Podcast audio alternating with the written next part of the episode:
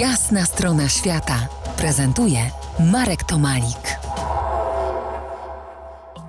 Góry dla każdego to tytuł ciekawie wydanej książki, która będzie pomocna przy planowaniu pieszych tras. Ale konkretnie zróbmy taki krótki przegląd pasm górskich. Pozwolisz, że cię nakieruję moimi preferencjami. Dla mnie numer jeden to Beskid Niski, bo Beskid Niski to wciąż dzikość i pozostały tam ślady dawnych kultur. Beskid Niski y, chyba najbardziej niedoceniane pasmo z tych, które opisałem tak naprawdę i zapomniane trochę.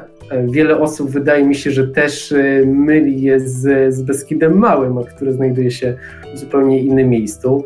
Natomiast no, y, myślę, że też jego położenie, infrastruktura może też kiepsko y, rozbudowana, jeżeli mówimy o transport publiczny, wpływa na to, że rzeczywiście to pasmo znajdujące się pomiędzy Bieszczadami a Pieninami jest mniej popularne, ale jeśli ktoś właśnie szuka tego spokoju, lubi tą bliskość natury, niekoniecznie jakieś eksponowane y, granie czy, czy szczyty, to właśnie Beskid Niski jest e, dla niego.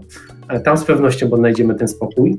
Może nie ma jakichś e, niesamowitych panoram, ale na pewno tą radość z wędrówki jesteśmy w stanie poczuć. No i przede wszystkim to też jest przykład właśnie takiego pasma, za którym kryje się ciekawa historia. Tutaj myślę o kulturze łemków, w którym no, niegdyś e, bardzo wielu łemków zamieszkiwało te ziemię, no i tą pozostałość widać. I to jest też niesamowite, jeżeli chodzi o, o wędrówki w Beskidzie Niskim, że możemy wędrować i gdzie niegdzie e, spotykamy pozostałości właśnie po, po wioskach, które tam były, czy, czy jakieś e, cmentarze, czy cerkwie, czy po prostu y, drzewa owocowe, które świadczą o tym, że kiedyś tutaj tętniło życie, kiedyś tu były jakieś domostwa, no teraz to wszystko, tym wszystkim oczywiście zawładnęła natura. Tak jak powiedziałeś, Beskid Niski jest mocno nacechowany, naznaczony historią.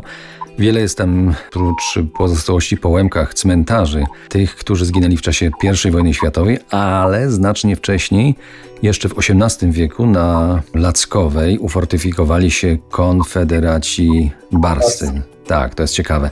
A powiedz, dlaczego największy szczyt Beskidu Niskiego nazywają górą policyjną? Ze względu na specyficzną wysokość. Ten szczyt nie przekracza 1000 e, metrów, bo ma dokładnie 997 metrów tak jak numer alarmowy na policję. A twoje miejsce ulubione w Beskidzie Niskim?